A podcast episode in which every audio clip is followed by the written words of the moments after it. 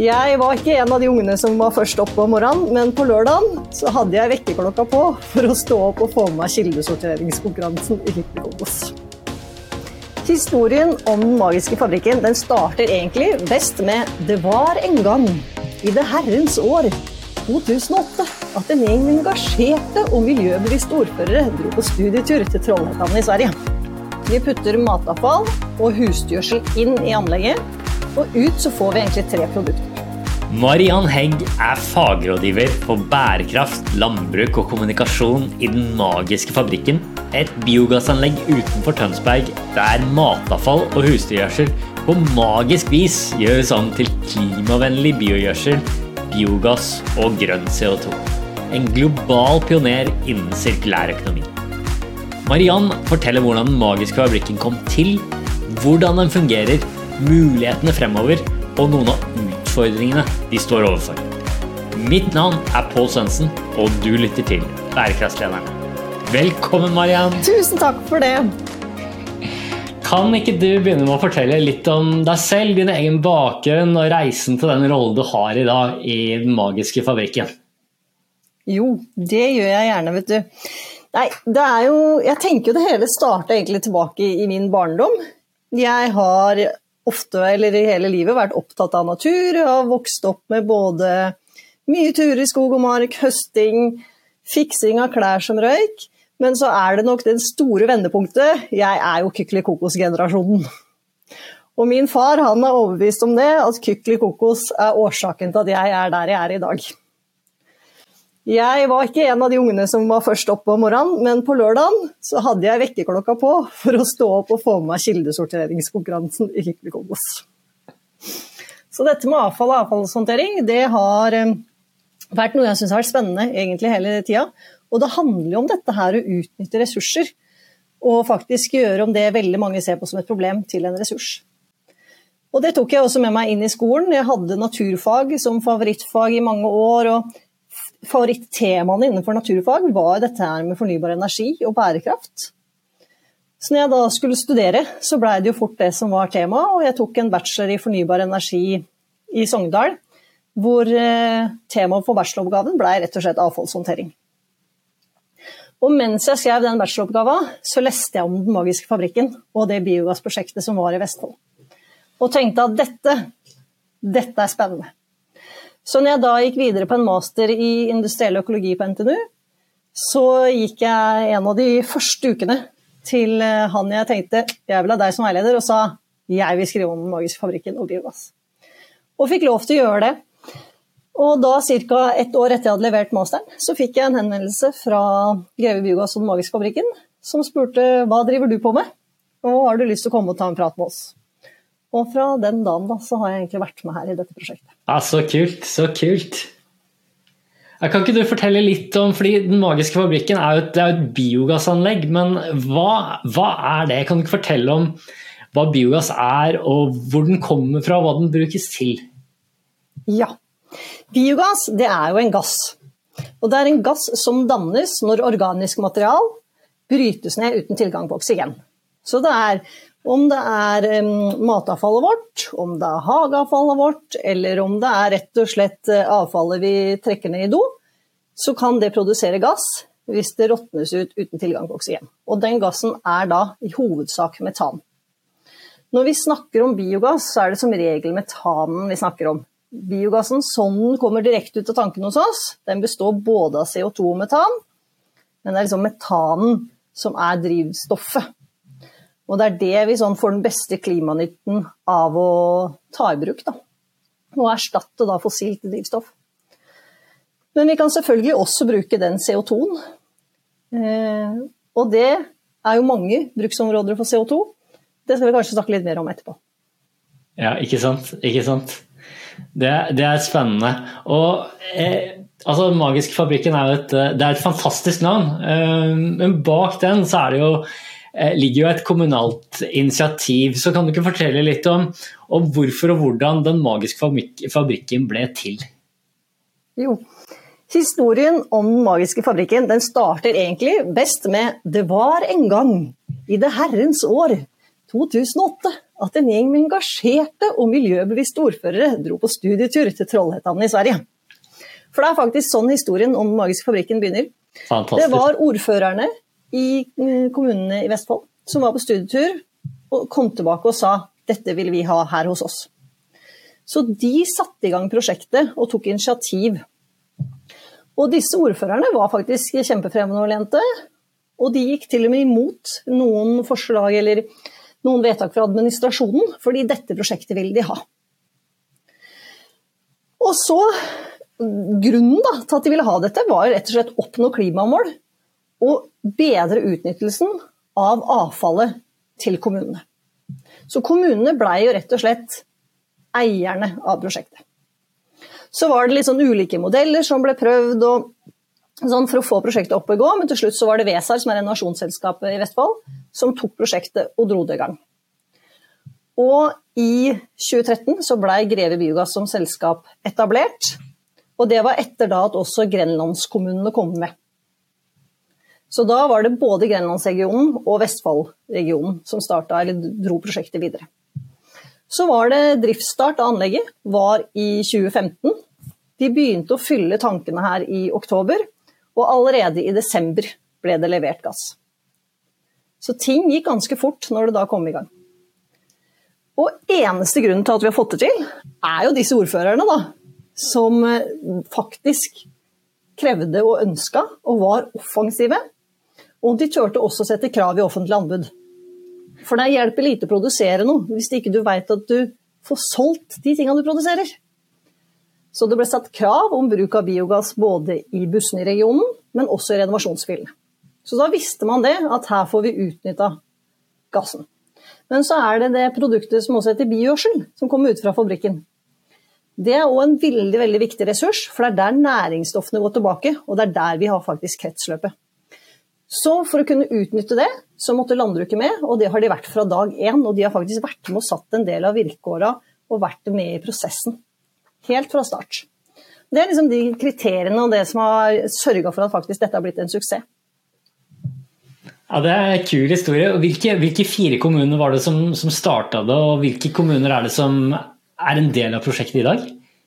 Ja, Det er faktisk flere enn fire kommuner. Det er jo da alle de kommunene som var i Vestfold i 2008. Det er jo ganske mange flere enn det der i dag, for det har vært en god del kommunesammenslåinger. Eh, men det er da Vestfold-kommunene og Grenlandskommunene, og det er også de som eier i dag. Det har blitt litt færre pga. sammenslåinger, men det er fortsatt de samme kommunene som står som eiere. Det har vært litt sånn eh, omgjøring i hvordan eierskapet er. Nå er det mye mer direkte. Tidligere var det bl.a. gjennom renovasjonsselskapene. Det er utrolig visjonær idé. Hvor, hvor, kom ideen fra? Eh, hadde vi lignende anlegg i Norge? Var det andre steder hvor det, hvor det kom fra? Nei, Det kom jo fra Sverige. Det var dette studiebesøket i Trollhättan i Sverige som de ordførerne tok, som de så et biogassanlegg, eh, og som de fikk inspirasjon fra. Men vi har også samarbeida veldig tett med Tekniska Verken, som er et biogassanlegg i Linköping i Sverige. Som har egentlig vært vår litt sånn mentor fordi Sverige har ligget langt foran oss når det gjelder dette her med utnyttelse av eh, matavfall. Mens eh, Danmark og Tyskland ligger langt foran når det gjelder utnyttelse av landbruksavfall, som bl.a. gjødsel. Husdyrgjødsel fra ku og gris. Så det er liksom de tinga vi har kombinert da, her i dette anlegget i Norge. Så det er jo det eneste anlegget nå i så stor grad som blander matavfall og husdyrgjødsel. Ja, ikke, sant. Og hvordan får dere tilgang til, eh, til eh, disse inputene, altså matavfallet og, og, og, og, jordbruksavfallet? Matavfallet det er jo offentlige anbudskonkurranser, så de må vi vinne på lik linje som alle andre som håndterer avfall. Og den husdyrgjødsla og landbruksavfallet det er jo kontrakter direkte med, med landbruket og bønder i Vestfold. Ja, det er kult. Det er kult. Um, og videre så har jo dere fått skryt, og dere har til og med vunnet en uh, internasjonal pris for å en, altså ta et helhetlig kretsløptankegang i produksjonen deres. Hva betyr det at dere har en kretsløpstankegang? Uh, kan ikke du fortelle litt om liksom, hvilke produkter er det som kommer ut av dette, og hvordan, hvordan brukes de? Jo, det viktigste da er egentlig å forstå hele prosessen. Så som sagt, vi putter matavfall og husdyrgjødsel inn i anlegget. Det ligger da og råtner og produserer gass inni våre reaktorer. Og ut så får vi egentlig tre produkter. Det er som vi snakka om til å begynne med, det er biogassen som består av metan og CO2. Og så er det egentlig denne suppa som har blitt når alt dette råtner inni tanken, som vi kaller da biogjødsel og kjører ut til landbruket. Så metanen den brukes jo som drivstoff og egentlig er ikke en del av kretsløpet sånn sett. Men det er jo der vi har høyest klimanytte, fordi vi faktisk erstatter fossilt drivstoff. Så det er veldig viktig at den blir utnytta på best mulig måte. Men så har vi da CO2-en. Den kan man også utnytte. Og en bitte liten del av den strømmen går faktisk i dag inn i et veksthus som ligger ved siden av fabrikken. Og håp og drømmen er jo at vi skal få utnytta større deler av den CO2-en i framtida. Kanskje i et kjempestort veksthus, eller til andre formål. CO2 er jo det vi alle kjenner fra brusen, eller fra ølen. Men det er litt regelverk i dag som gjør at det ikke har lov til å brukes da, i næringsmiddel, egentlig. Ja, det er testa, det fungerer. Det er mulig å bruke den for å produsere brus og øl, men det er ikke lov til å selge det som produkt. Skjønner. Og hva, hva, er, det dere, hva er, det som vokser i det veksthuset dere har i dag? Nei, Veksthus hos oss i dag, der er det tomater. Og det er verdens beste tomater. Jeg vet egentlig ikke om jeg har lov til å si det, men jeg liker egentlig ikke tomater. men likevel, de tomatene de spiser jeg faktisk. De er en helt annen smak og er mye søtere enn det andre tomater er. Og det handler faktisk om den biogjødsla. For den biogjødsla er jo full av bl.a. masse mikronæringsstoffer. Så de tomatene og plantene får jo til seg mye mer enn det de gjør ved å bare ha sånn spissa gjødsling. Og det er jo bare også en liten del av biogjødsla som går inn der. Det aller, aller meste sprer jo i landbruket i Vestfold, hvor det brukes til å produsere ny mat. Og det er jo da vi har kretsløpet. Matavfallet er viktig når vi har det hjemme, så skal vi sortere det i riktig dunk. Vi skal ikke kaste ekstra mat, men det som er matavfall, det skal i riktig dunk. Så kommer renovasjonsbilen som går på biogass, henter det hjemme, kjører det til fabrikken. Her blir det blanda med ku- og grisemøkk. Vi produserer biogass til drivstoff, CO2 til veksthuset, og da biogjødsla tilbake igjen til ny matproduksjon på jordene, som gjør at vi igjen får mat i butikk og får mat tilbake på bordet. Ja, det er, det er utrolig spennende når du, når du, forklarer det på den måten, og hvor, hvor helhetlig dette er. Um, og dette er situasjonen i dag for, uh, for, for Vestfold og Telemark-regionen? ja, det er det. All biogjødsla vi produserer, går tilbake til landbruket til ny matproduksjon.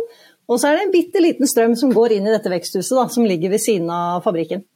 Så der er det jo ganske gøy, da, for du kan jo i teorien gå liksom og putte matavfall inn i fabrikken, og så kan du gå ned og plukke tomater eh, noen måneder seinere, som da rett og slett ditt matavfall har blitt gjenvunnet til ny mat. Og Hvor mange husholdninger er knytta til, eh, til, dette i dag, vet dere det? Vi tar imot nå matavfall fra ca. 1,2 millioner innbyggere. Så nesten hele Østlandet leverer faktisk sitt matavfall til Den magiske fabrikken i dag. Utrolig. Utrolig. Um, og, eh, og eh, finnes, det, finnes, det, lignende anlegg rundt om i, rundt om i Norge? Eh, ikke helt like anlegg, det gjør det ikke. Det er veldig mange anlegg som behandler matavfall. Men den bruken av husgjødsel husdgjødsel inn i så stor skala som vi gjør, og den tilbakeføringa av bigjødsel i Liksfjordstrada, den er det ikke alle som har ennå. Men jeg vet det er flere anlegg som eh, jobber mot det og ønsker det. Ja, og dette, For dette er jo nybrottsarbeid. altså Dere var først i Norge og er fortsatt en, en, en pioner. Um, er, er, denne produksjonen er det lønnsomt allerede i dag, eller er det fortsatt utfordringer som dere må løse for at uh, dette biogassmarkedet skal være kommersielt lønnsomt?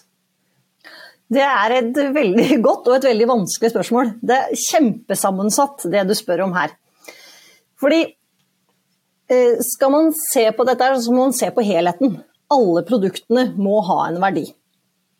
Selve behandling av matavfall, det må ha en verdi. Biogassen må ha en verdi. CO2-en må ha en verdi. Og biogjødsla må ha en verdi.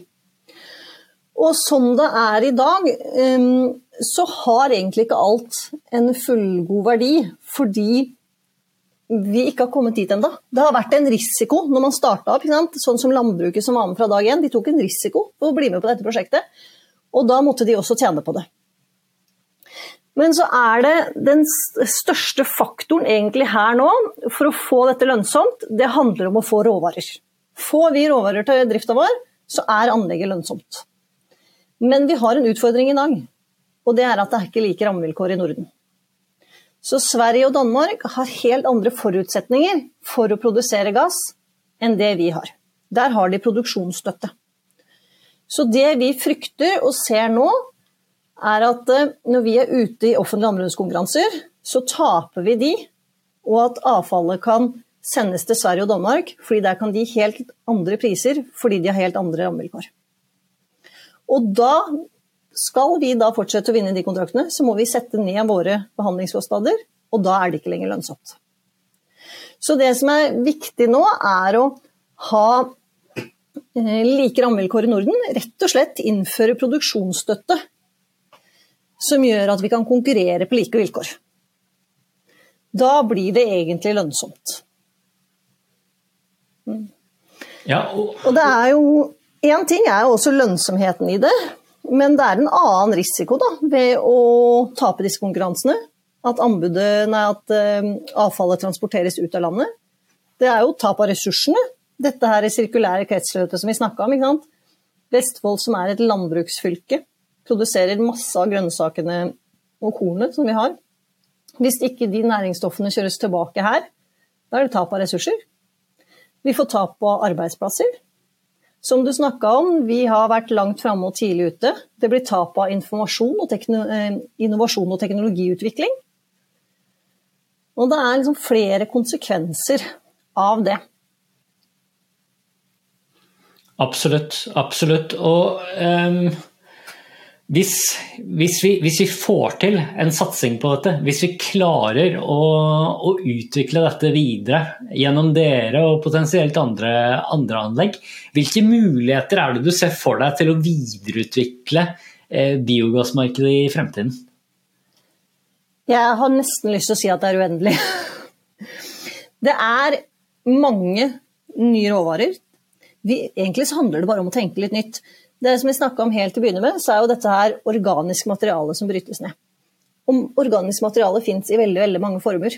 Så det er egentlig å ta, klare å tenke nytt og klare å tenke nye råvarer. Og klare å tenke god behandling av mye nye råvarer. Det kan handle om um, fra oppdrett, fra fisk. Det er en god del til ressurser tilgjengelig i landbruket. Den gjødsla vi bruker i dag er den flytende. Men hva med fastgjødsel og talle? Hva med halm? Det er ting som man kan se for seg å ta i bruk i framtida. Men skal vi ha et biogassmarked i framtida, så må vi egentlig ha mål. Det er en av de store utfordringene i Norge i dag. At regjeringa har ikke satt verken eh, biogassmål eller produksjonsmål. Og da er det vanskelig å satse, og det er vanskelig å få disse gode og riktige rammevilkårene. Så muligheten er der. Det satses veldig stort i Europa. Biogass er jo en av de tinga som håper å kunne være med og ta over noe av den etterspørselen og utfordringene med naturgass, nå spesielt i forbindelse med krigen. Men da må det satses, og vi må ha riktige vilkår. Og vi ser også Enova som har gitt etableringsstøtte til etablering av biogassanlegg. Der har det blitt en endring, så de gir jo ikke nå investeringsstøtte basert på klimanytte, men på grad av innovasjon. Så du får ikke bygd ut anlegget eller bygd nye anlegg hvis ikke du har innovasjon i teknologibruken. Og da får du ikke opp produksjonen. Hvis alle må tenke nytt, da er det veldig vanskelig å nå klimamål. Men hvis vi kan bruke den etablerte teknologien som er der, og som er god, og som industrien har testa og effektivisert nå gjennom flere år, da kan vi ha gode muligheter for eh, biogass i fremtida. Mm. Så her må, må, myndighetene på banen med, med gode, gode, strategier og mål rundt dette. Eh, god støtte både til ja. Eh, drift og til, eh, til videre utvikling av produksjonen. Ja, og det er litt sånn Vi opplever jo at det skrytes veldig mye av biogass. Vi har hatt jeg tipper mellom 15 og 20 ministre på besøk her på anlegget. Så det er jo tydelig at det vi gjør er framtidsretta og er eh, noe som egentlig ønskes å satse på, men vi ser det ikke i tall og i mål. Og det er jo snakk om at biogass det er et kinderegg, man erstatter fossilt, man håndterer avfall. Alle disse tingene. Du får egentlig veldig mye i ei pakke. Eh, og det er veldig, veldig mye store ord og veldig mye engasjement men det fører dessverre ikke noe sted. Så det er en ønske fra hele vår bransje, da. Å sette klare og tydelige mål og forutsetninger for å nå de måla. Og ja, det er jo Det er jo noen som tør å satse mer enn andre. Og vi ser jo nå det er stor etterspørsel etter biogasskjøretøy. Det har vært veldig bra det som skjer med bompengefritak i bomringen i Oslo. Men da må vi også få opp fyllestasjoner om vi får opp produksjonen. Det er litt sånn høna er lege. Ja, fordi vi, vi, snakket jo litt tidligere om, um, om, det kommersielle, og spesielt opp mot um, konkurranseevne overfor de som bidrar med, med matavfall og, og, og avfall fra, fra, landbruket. Men hvordan, um, hvordan, skal man klare å vokse eh, etterspørselsdelen etter dette? Altså det du var innom, eh, innom akkurat der. Hvordan, Får vi til at eh, dette brukes mer for transport, og at biogjødselen brukes mer i landbruket, og CO2-en kanskje har mer bruksområder i, i, i um, industri og kanskje også i landbruket? Nei, Det er jo et, også et veldig sammensatt spørsmål, da. Men biogassen er her. Vi har teknologien, vi har produksjonen. Vi må bare gjøre den tilgjengelig. Eh, og det er jo Vi ser jo sånn som dette bompengefritaket er jo virkelig ting som gjør det liksom attraktivt å velge biogass. Eh, og jeg tror det å få opp produksjonen og klare å svare på den etterspørselen Vi ser også nå har vi etterspørsel etter vår biogass i Europa. Fordi vi har en så bærekraftig modell med kretsløpet vårt, hvor vi både behandler husdyrgjødsel eh, og leverer ut bygjødsel til landbruket.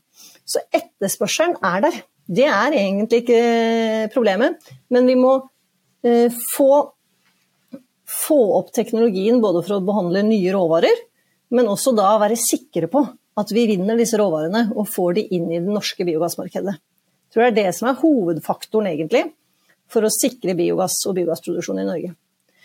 Når det gjelder biogjødsla, så må det selvfølgelig være eh, lønnsomhet i det. Det må både være et attraktivt valg for bonden, men det må også være et produkt som biogassanleggene ikke taper på å håndtere på den måten. Og vi ser jo i dag, vi har ventelister på mottak av biogjødsel. Så det er et produkt med potensial. Og der må vi også se på om det finnes enda bedre måter, eller måter å booste den eh, gjødsla på, gjør den enda bedre. Og Det er ting vi jobber med og ser på og ønsker å utvikle også når vi skal utvide anlegget. Og Det er jo en kjensgjerning dette her at det er ganske høy transport av noe som er flytende. Nå er jo Vestfold et veldig lite fylke og har heldigvis korte transportanstander.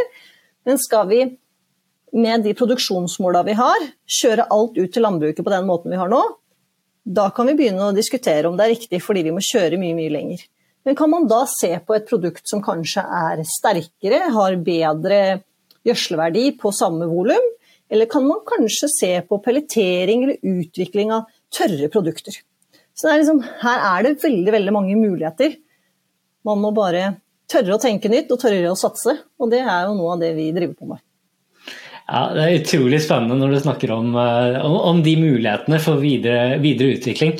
Um, en viktig del av dette er jo også, i og med at det er et uh, nytt produkt og en, en, en, en kompleks prosess, um, er jo det opplysningsarbeidet dere gjør. Jeg vet at dere, at dere jobber veldig med å bygge kjennskap og kunnskap rundt uh, prosessen og rundt biogassen. Um, Bl.a. gjennom skolebesøk. Kan du ikke fortelle litt om denne satsingen og hvorfor det er så viktig? Ja. Nei, det handler jo om at hele biogassprosessen den starter hjemme på kjøkkenet. Den starter på kjøkkenet ditt, den starter på kjøkkenet mitt. Det handler om at vi må håndtere avfallet vårt på rett måte. Hvor kildesortere de riktig dum. Og jeg er overbevist om at jeg veit hvordan både du og jeg lærer best. Og mange tenker sikkert ja, det er over å gjøre. Men jeg er sikker på at det er én ting til som du lærer enda bedre av. Og det er hvis et barn du er glad i. Om eh, det er en niese eller nevø eller barna dine eller barnebarna dine kommer og sier 'mamma, pappa, tante, onkel, bestemor, bestefar, du gjør feil'. Da skjer det noe med deg, og du gjør en endring, og du lærer faktisk at ok, her må jeg håndtere avfallet mitt på en annen måte, eller her kan jeg ha bedre bærekraftige løsninger. Så å ta barn og unge inn, så får vi rett og slett opplæring ut i alle familier og alle hjem. De lærer hos oss og kommer tilbake og oppdrar rett og slett hele familien sin til å bli bedre på avfallshåndtering. Og energiutnyttelse, og egentlig alt som er knytta til bærekraftig utvikling. Og det er jo også sånn nå at bærekraftig utvikling skal inn i alle fag. Så vi treffer jo nå veldig godt i læreplanen.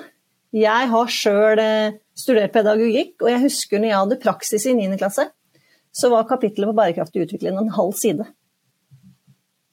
Det var hele kapittelet på bærekraftig utvikling. Nå er det heldigvis endra seg med den nye læreplanen, men dette er fortsatt eh, et tema som veldig mange lærere ikke har hatt så mye om sjøl, og som vi kan da bidra til å gi kunnskap på. Og så handler det i hovedsak om dette her med å lære ressurshåndtering. I hvert fall i Norge som vi har eh, hatt en ganske stor overflod. Vi har hatt et bruk-og-kast-samfunn. Det handler om å lære verdien av ressursen. Og til og med matavfallet ditt, epleskrotten, bananskallet, det har en verdi.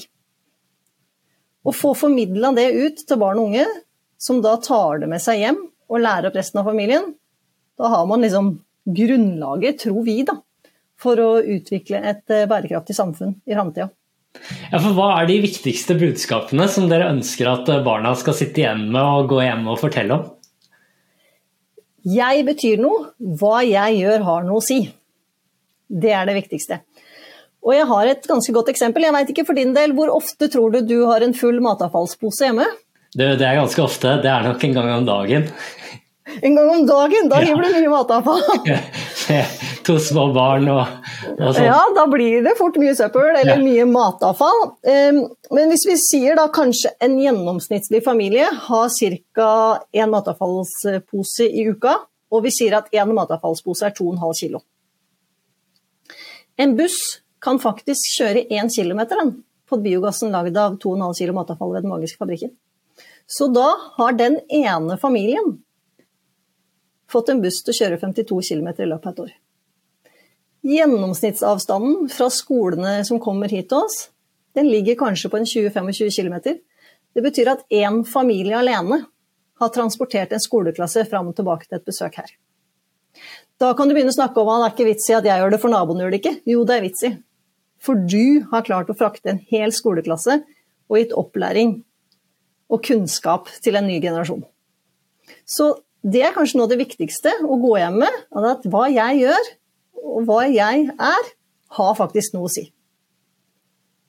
Jeg får, jeg får trøste med meg at mange barn får, får opplæring med mitt matavfall. ja, men Så lenge det er matavfall, så tenker jeg det er helt greit. Men jeg får ofte spørsmål om eh, jeg ønsker at man skal kaste mer eh, mat. Sier jeg det vil jeg absolutt ikke. Maten skal spises. Men jeg er veldig opptatt av at matavfallet skal kastes på riktig sted. Ja, akkurat. Og det er jo, det er jo noe med dette at bærekraft Vi tenker jo veldig ofte på natur. Ja, det skal være bra for naturen når vi snakker om bærekraft. Men bærekraft er jo så mye mer. Det handler selvfølgelig om klima og natur, at vi ikke skal gi store skader der. Men det må også være økonomisk.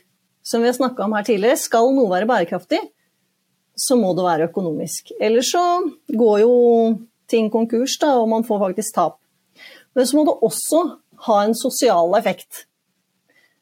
Det må tilby arbeidsplasser, det må tilby opplæring. Det må i hvert fall ikke stjele disse tingene fra samfunnet. Så det er jo noe med det at ved å tilby også undervisningsopplegg, så er man med på å oppfylle enda større del av det som ligger i å være bærekraftig.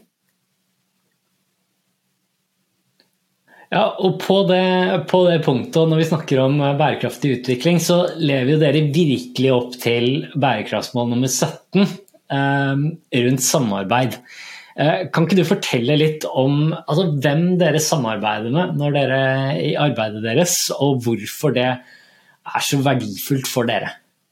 Mm. Jeg har jo vært innom mange samarbeidspartnere allerede, men det viktige her er jo å benytte ulike aktører der hvor de har spisskompetanse. Skal vi få dette her energieffektivt, skal de få det lønnsomt, skal vi få det bærekraftig, så må det være sant, best mulig ressursutnyttelse og optimalisering i alle ledd. Og ikke minst lønnsomhet i alle ledd. Og der er jo der vi har med nå Landbruket har vi snakka om. De utnytter jo seg, eller bruker biogjødsel til produksjon av ny mat og leverer husgjødsel til anlegget. Vi har jo renovasjonsselskapene. Samarbeidspartnerne våre er jo renovasjonsselskapene som eh, leverer avfall, og det er jo egentlig representert ved deg og meg. Det er jo Innbyggerne er jo en viktig partner. Og så har vi eh, de som opererer i tilknytning til anlegget vårt. Vi har eh, Per nå så er det Lindum som drifter biogassanlegget. Vi har Elikid Skagerrak som eh, håndterer og selger gassen videre. Vi har Reklima, som er selskapet som har dette veksthuset, og som jobber med å optimalisere biogjødsla enda mer. Så har vi også snakka om Tekniska Verken tidligere, som har vært en sånn mentor og hjelpe oss i utviklingen av anlegget. Og så er det jo Vesar som tok initiativet og dro dette i gang når eh, ordførerne ønska det. Og så er det jo mange, mange flere. Jeg kan jo nevne i fleng.